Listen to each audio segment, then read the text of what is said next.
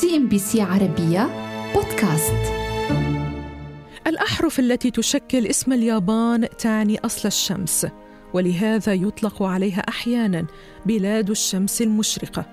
ذلك الأرخبيل الذي يقع في أقصى شرق آسيا في المحيط الهادي يتألف من أكثر من ثلاثة آلاف جزيرة مع اكتظاظ سكاني كبير جدا وبمعدل 342 شخصا لكل كيلو متر مربع.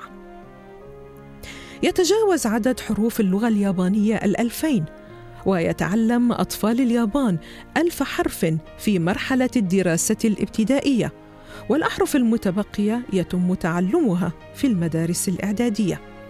تكتب هذه اللغة من اليسار إلى اليمين ومن الأعلى إلى الأسفل وفي ترتيب الكلمات الفعل يوضع في نهاية الجملة. اليابانية هي لغة صعبة ومعقدة تحدثا وكتابة.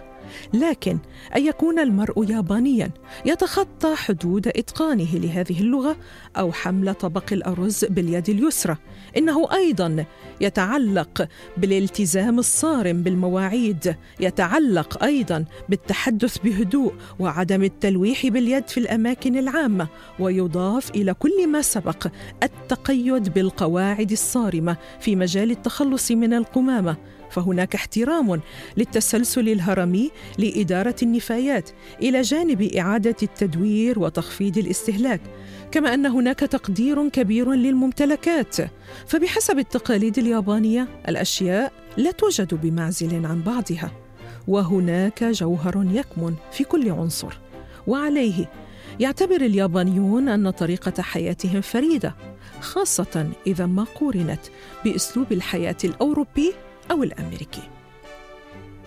بهذا الخصوص تشير الكثير من الدراسات والأبحاث أن التشدد الذي تبديه اليابان باتجاه المهاجرين يتعلق إلى حد كبير بإحساسها الفريد بالهوية الوطنية الموروثة عبر الأجيال والمخاوف أن تتأثر التقاليد والعادات بالوافدين الأجانب وعليه ما يزال الجدل قائما بالنسبة لتحديث إجراءات الهجرة إلى اليابان والتي يبدو أنها مستمرة بتشددها بشأن المهارات المطلوبة وأيضا العدد الذي يتم قبوله من طلبات الهجرة.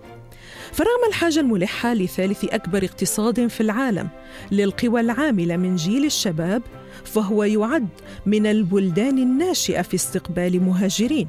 وفي هذا الصدد يؤخذ على الحكومة تقاعسها في تعريف السكان المحليين بفوائد الهجرة ومساهمتها في النمو الاقتصادي والمعاشات التقاعدية حسب ما يقول الخبراء. فعلى عكس البلدان الأخرى في منظمة التعاون الاقتصادي والتنمية فاليابانيون هم من أعادوا إعمار بلادهم وانطلاقها الاقتصادي بعد الحرب العالمية الثانية دون اللجوء إلى الهجرة. ولم تبدأ الحكومة بفتح حدودها أمام العمال الأجانب إلا في منتصف السبعينيات.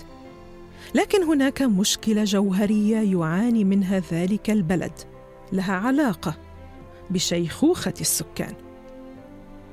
بحسب المعايير العالمية فإن اليابان هي بالفعل دولة متقدمة في العمر. مما يعني أن أكثر من 20% من السكان تزيد أعمارهم عن 65 عاماً. كما أدت الزيادة في الوفيات إلى تسريع انخفاض عدد السكان يعني هذا الانخفاض تقلص مجموعة العمال المطلوبة لدعم السكان المسنين الذين يحتاجون إلى الرعاية الصحية والمعاشات التقاعدية. كما تتمتع الدولة أيضا بواحد من أطول متوسطات العمر المتوقع في العالم والتي تتجاوز الخمسة وثمانين عاماً. ورغم أن نظام الهجرة أجريت عليه تعديلات منذ نهاية الثمانينيات لكنه بقي مقيدا للغاية مما يسمح فقط لعدد قليل من العمال المؤهلين بالدخول إلى البلاد. لكن ما هو تفسير وجود عدد كبير من العمال غير المهرة أو شبه المهرة في اليابان؟ يعود السبب الرئيسي إلى البرامج التي أتاحت فتح الأبواب للأشخاص المنحدرين من أصل ياباني في أمريكا اللاتينية أو إصدار تأشيرات الطلاب في مواجهة متطلبات العمل في الصناعة تضمنت التعديلات على قواعد الهجرة والتي حصلت بداية التسعينيات من القرن الماضي تضمنت تقديم تأشيرات طويلة الأجل لأحفاد المهاجرين اليابانيين الذين انتقلوا إلى أمريكا اللاتينية بعد الحرب العالمية الثانية. ولكن عندما تراجع الاقتصاد في العام 2008 حثت الحكومة هؤلاء المهاجرين على العودة إلى البرازيل ودول أمريكا اللاتينية الأخرى التي انتقلوا منها. كذلك أدت الإصلاحات المؤقتة إلى سد فجوة نقص العمالة عبر تمكين الأجانب الحاصلين على تأشيرات طالب من العمل لمدة تصل إلى 28 ساعة في الأسبوع مما عرض البلد الآسيوي لبعض اللوم بأنه يستخدم الطلاب لسد النقص في اليد العاملة. أظهرت بعض الكوارث تدني مستوى الخدمات بسبب النقص الهائل في الموارد البشرية. فعلى سبيل المثال تدفق العمال الأجانب إلى مدينة أوداكا والتي دمرت بسبب انصهار محطة فوكوشيما للطاقة النووية بعد زلزال وتسونامي العام 2011 فالانخفاض الكبير في عدد سكان المدينة. قابله ارتفاع ملفت في أعداد العمال من جنوب آسيا والشرق الأوسط للقيام بأعمال التنظيف وإزالة الأنقاض. في السنوات الأخيرة واجه هذا النهج الصارم للهجرة حقيقة خطيرة أن سكان اليابان يشيخون ومعدل المواليد فيها من بين أدنى المعدلات في العالم. ونتيجة لذلك يتم استنفاد القوى العاملة مما دفع الشركات للمطالبة بتغييرات جذرية في قواعد الهجرة لتوظيف عمال من دول أخرى. بدأ المسؤولون يدركون بأنهم لا يستطيعون العيش بدون مهاجرين. وفي العام 2019 أعلن رئيس الوزراء السابق تشينزو آبي أنه سيتم منح حوالي 350 ألف عامل غير مهرة تأشيرات ضيف على مدى السنوات الخمس المقبلة لتلبية حاجات الشركات الصغيرة والمتوسطة الحجم في قطاعات مثل الزراعة، التمريض وكذلك البناء. لكن آبي شدد على أن القانون المقترح ليس إصلاحا شاملا لسياسة الهجرة وأن اليابان لن تقبل إلا الأجانب الذين لديهم مهارات محددة ويمكنهم العمل فقط في القطاعات التي تحتاجهم. ورغم أن ذلك يعد تحولا كبيرا في الممارسات الحكومية لكنه لم يخلو من اشتراطات. أهم هذه الاشتراطات أنه لا يمكن للمهاجرين إحضار أقاربهم معهم.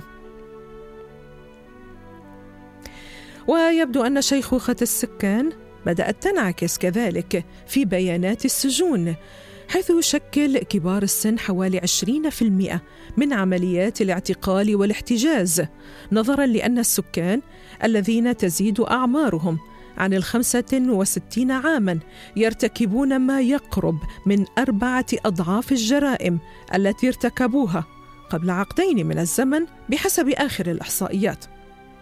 النتيجة هي أن سجون اليابان تمتلئ بالعجزة وهم يحتاجون للمساعدة في المشي والاستحمام وغيرها من الخدمات. الأمر الذي أجبر الحكومة على تخصيص ميزانية لإرسال عمال الرعاية الاجتماعية إلى حوالي نصف سجون البلاد. وفي الوقت الذي يتم فيه بذل الجهد لإبقاء مخالفي القانون من الشباب خارج السجون يتم سجن البالغين بمعدل أقل بكثير مما هو عليه في معظم البلدان المتقدمة أي بمعدل 45 لكل 100 ألف شخص مقارنة بأكثر من 600 في الولايات المتحدة الأمريكية. بين العام 2000 إلى العام 2017 زادت مستويات الهجرة في اليابان بأكثر من 37% حيث تجاوز عدد المهاجرين أكثر من مليونين وثلاثمائة ألف مهاجر. تعد الجالية الكورية أكبر جالية أجنبية في اليابان لكن على مدى العقدين الماضيين بدأ الصينيون يتوافدون بكثافة إلى بلاد الشمس المشرقة. استقر الطلاب الصينيون بأعداد كبيرة في ذلك البلد. وكان ملفتا أن الوافدين الصينيين لم يعزلوا أنفسهم اقتصاديا أو سكنيا خلافا لما فعلوه في هجراتهم إلى بلدان أخرى. أدى التدفق إلى إنشاء مجتمع صيني مندمج اقتصاديا في مفاصل الحياة ويتمتع أعضاؤه بمؤهلات عالية. ينتمي 12% منهم إلى الطبقة المتوسطة الأمر الذي يفرقهم عن الصورة التقليدية التي تم تشكيلها عبر عقود عن المهاجرين الصينيين. لم تكن الطبيعة شديدة السخاء مع سكان اليابان فهناك ندرة شديدة في الموارد الطبيعية وكثافة في البراكين والزلازل واكتظاظ سكاني خانق في المدن الرئيسية. لكن البلد المكون من آلاف الجزر المنعزلة نجح في الجمع بين جدية العمل واحترام الأعراف الموروثة واتباع نهج شديد البساطة في المعيشة والحياة اليومية. وعبر عقود من الزمن استوعب اليابانيون ما يحيط بهم من تحديات وكان طوق نجاتهم الاستعانة بالتقاليد والحكمة والعمل المنظم. تبنى هذا النهج قاطنو اليابان حتى لو لم يحمل بعض اليابانيين ملامح يابانية. CNBC عربية بودكاست.